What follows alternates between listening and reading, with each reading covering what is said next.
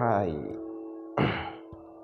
Selamat Idul Fitri untuk kawan-kawan yang merayakan. Selamat bermaaf-maafan Dan selamat makan ketupat.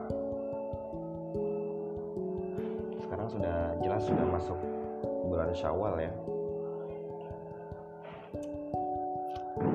Saat yang sama Ramadan juga sudah habis. Kayaknya kamu bisa denger deh mercon, ada eh mercon, petasan. Sama aja. Ada petasan dan suara takbir terdengar di udara gitu ya dari setiap masjid. Di sekitar kamu juga mungkin ada. Aku nggak tahu begitu kamu dengar ini apakah momennya masih sama? Kayaknya udah berlalu deh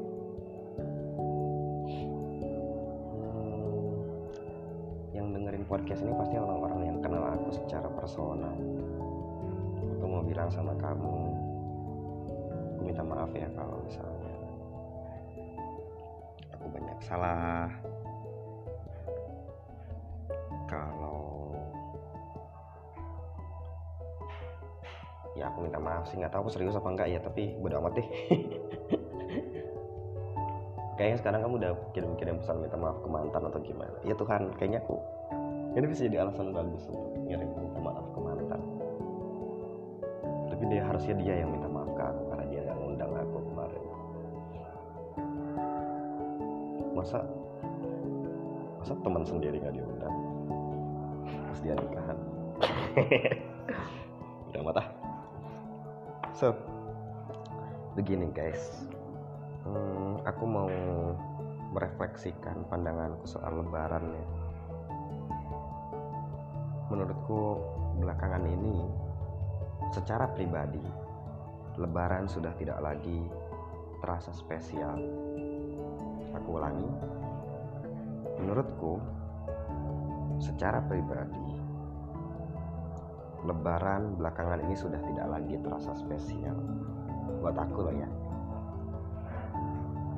I mean nggak kayak waktu kita masih kecil gitu. Nggak tahu kenapa apakah kita makin makin paham atau karena kita makin nggak ngerti apa-apa aku nggak ngerti sih.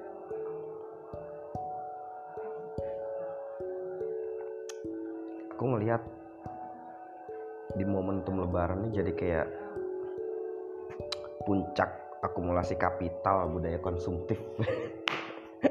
Akumulasi kapital. Jadi apa ya puncak dari perayaan budaya konsumtif kaum muslimin gitu loh. Budaya konsumtif. Di bulan sebelum masuk bulan syawal tuh kita lihat bagaimana uang masuk dan keluar tuh dengan jumlah yang besar dan dengan cara yang juga sama cepatnya gitu. Cepat dan besar gitu. Aku dapat THR aku habis pakai ini sih nggak aku habisin buat beli baju atau apa ya.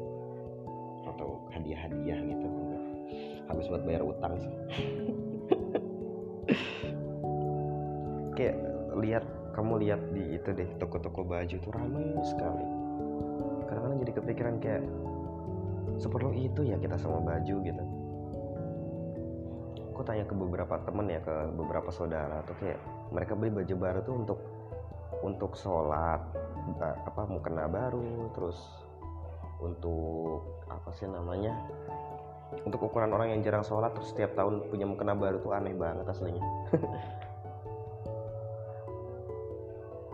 Terus ada baju baru untuk apa sih untuk sama apa lebaran sama keluarga. Ada juga baju baru untuk lebaran bersama apa sih namanya kakek nenek di kampung halaman gitu macam-macam jenis baju baru lah udah kayak pengantin gitu loh mungkin di momen lebaran ini orang punya baju baru tuh empat setel gitu lah. Banyak banget. Kaos baru apa baru. Aku nggak beli baju baru sih. Kayak 2-3 tahun terakhir ini aku setiap kali lebaran aku cuma beli satu hal yang baru.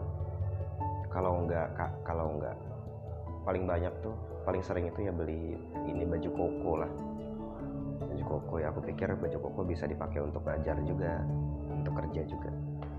Kalaupun nggak aku pakai sholat karena aku jarang sholat belakangan. Atau misalnya kemeja kemeja buat main buat buat ngajak jadi kata orang katanya gaya hidupku minimalis katanya. Padahal aku boros banget karena mereka bilang aku minimalis karena mereka sering lihat aku pakai baju yang sama gitu berulang-ulang. Sampai orang hafal gitu bajuku apa aja? Bukan minimalis aku itu miskin. Jadi kenapa lebaran sudah tidak lagi terasa spesial? Karena yang aku ngelihat bahwa ya itu tadi lebaran tuh jadi perayaan puncak perayaan budaya konsumtif kita gitu kaum muslimin nggak mungkin juga misalnya orang yang tidak merayakan lebaran. Pas datang lebaran langsung beli baju baru. Kalaupun iya ya ya udahlah. Pertama itu. Oh by the way industri garmen dan anakan-anakannya itu adalah apa ya kejahatan kedua di bawah industri eh, apa sih namanya industri pertambangan. Karena industri disebutnya apa ya? Industri cheap fashion fashion murah gitu. Karena kita lihat bahwa pakaian-pakaian yang beredar di pasar itu adalah jenis fashion murah. Jadi industri ini tuh sangat mengor kamu bisa tonton soal ini di ini deh The True Cost. The True Cost. Film dokumenter tentang betapa jahatnya industri apa sih namanya industri pakaian atau cheap fashion ini.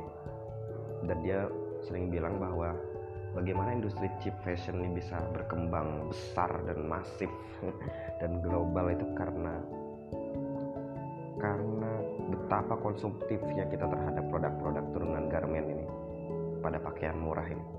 Maksudnya pada pakai pakaian-pakaian yang merupakan bagian dari uh, cheap fashion atau fashion murah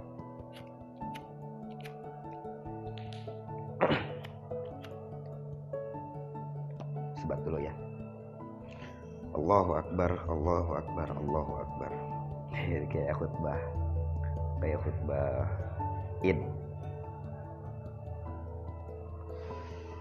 Terus kedua kenapa Idul Fitri sudah tidak lagi terasa spesial buat aku? Karena itu jadi momen maaf-maafan yang palsu. Maaf-maafan yang palsu karena orang kayak sering sering aneh nggak sih kamu di mendapatkan broadcast saya dan keluarga saya mohon maaf atas kesalahan-kesalahan kami gitu? Dia mewakili keluarganya untuk meminta maaf. Padahal saya nggak kenal sama keluarga orang itu gitu kayak apa hubungannya kamu dengan keluarga? Jadi orang minta maaf tuh bukan secara personal lagi gitu hanya sebagai sebagai apa sih namanya konsul apa sih hanya sebagai bungkus saja. Bungkus saja gitu.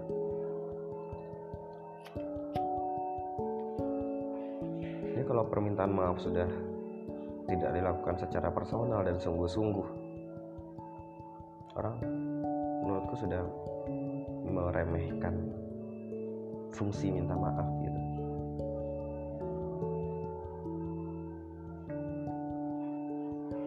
Kalau kamu merasa tidak perlu meminta maaf usah aja.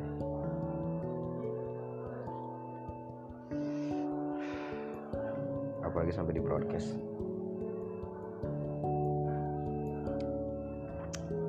Itu aja sih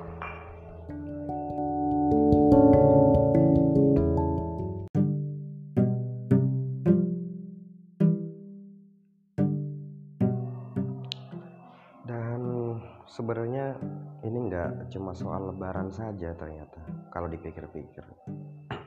Banyak sekali bentuk ritual simbolis atau ritual keagamaan yang kelalui selama ini mulai mendapat pertanyaan gitu. Pertanyaannya kadang-kadang sederhana. Kapan sih terakhir kali saya menikmati sholat gitu secara spiritual gitu secara pribadi gitu sebagai pengalaman yang transenden sebagai pengalaman yang sangat kuat nilai ilahiyahnya gitu. Belakangan bahwa aku sholat aku zakat gitu dan aku puasa itu hanya karena beban sosial yang aku dapatkan karena aku terlahir sebagai muslim. Beban sosial saya konstruksi sosial dan beban yang ada di dalamnya gitu. Kalau orang lihat aku sholat karena aku takut orang bilang gimana sih Farid kok nggak sholat? Padahal pernah jadi pengajar Al-Quran. Terus keluarganya adalah ya gitu deh. Buat kamu yang tahu ya. Karena itu. Tapi di depan teman-teman aku sih aku aku teman-temanku udah udah melihatku secara inilah. Udah ngeliat ah si Farid lah gitulah ada. Oke oke aja. Cuman aku masih sholat masih puasa itu ya karena beban itu jadi jauh di dalam diriku. Aku melihat justru apa sih namanya ritual-ritual keagamaan tadi mendapatkan pertanyaan-pertanyaan besar gitu tantangan terbesar gitu. kenapa sih tidak ada ladatus sholat tidak ada kelezatan di dalam sholat? Untuk ibadah-ibadah yang sifatnya sangat spiritual ya. Kalau zakat sih aku jelas itu aku mendapati di situ ada kewajiban sosial di sana ada kewajiban moral di sana terhadap sesama manusia terus kayak setiap kalimat kalimat toyibat syahadat aku tidak melihat. Misalnya kayak uh, subhanallah ada orang yang menjadi mualaf mengucap dua kalimat syahadat. Setiap kali aku dengar yang begitu cerita seperti itu aku udah nggak nggak kagum gitu. Buat aku pindah agama memang sesuatu yang besar ya. Tapi aku tidak melihat melihat itu sebagai sesuatu yang mewah. Ya sudah sih pindah agama. Itu kan sesuatu yang personal buat dia. Dan itu akhirnya berefek pada diriku sendiri bahwa aku sendiri ternyata tidak mengindahkan itu gitu. Kayak apa sih esensi dari la ilaha illallah Muhammad Rasulullah? Esensi yang yang sangat sangat berakar dalam diriku gitu loh. Ya aku tahu penting itu penting itu fondasi keimanan seorang muslim itu ada di sana. Tapi secara pribadi buatku itu dia mendapat pertanyaan gitu bukan benar-benar tercerabut ya tapi mendapat pertanyaan. Dan itu pertanyaan besar. Dan itu nggak tahu kayaknya kayak terlambat menyadari itu kayak harusnya aku begini-begini ini di usia 20 tahun aja deh tapi aku menghormati proses ini sih. Bagaimanapun iman itu kan proses ya perjalanan journey.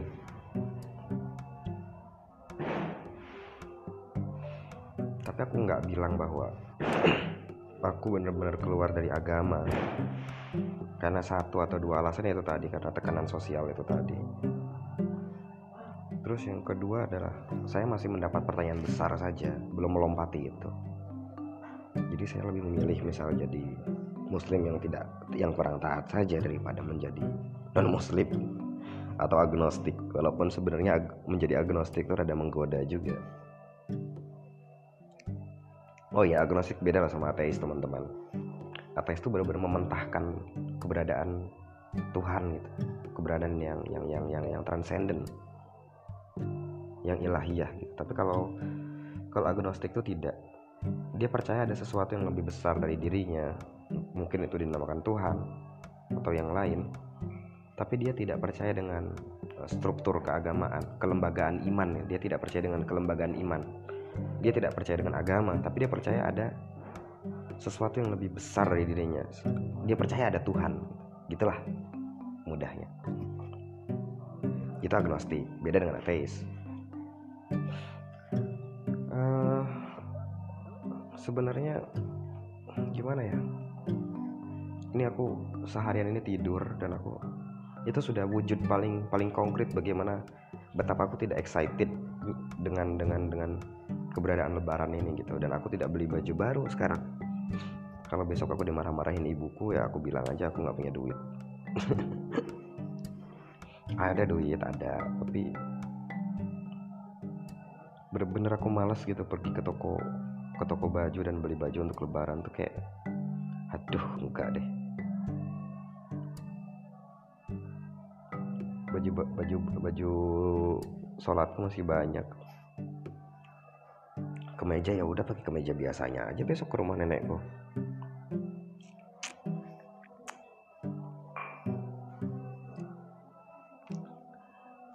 sekali lagi ya ini adalah sudut pandang pribadiku.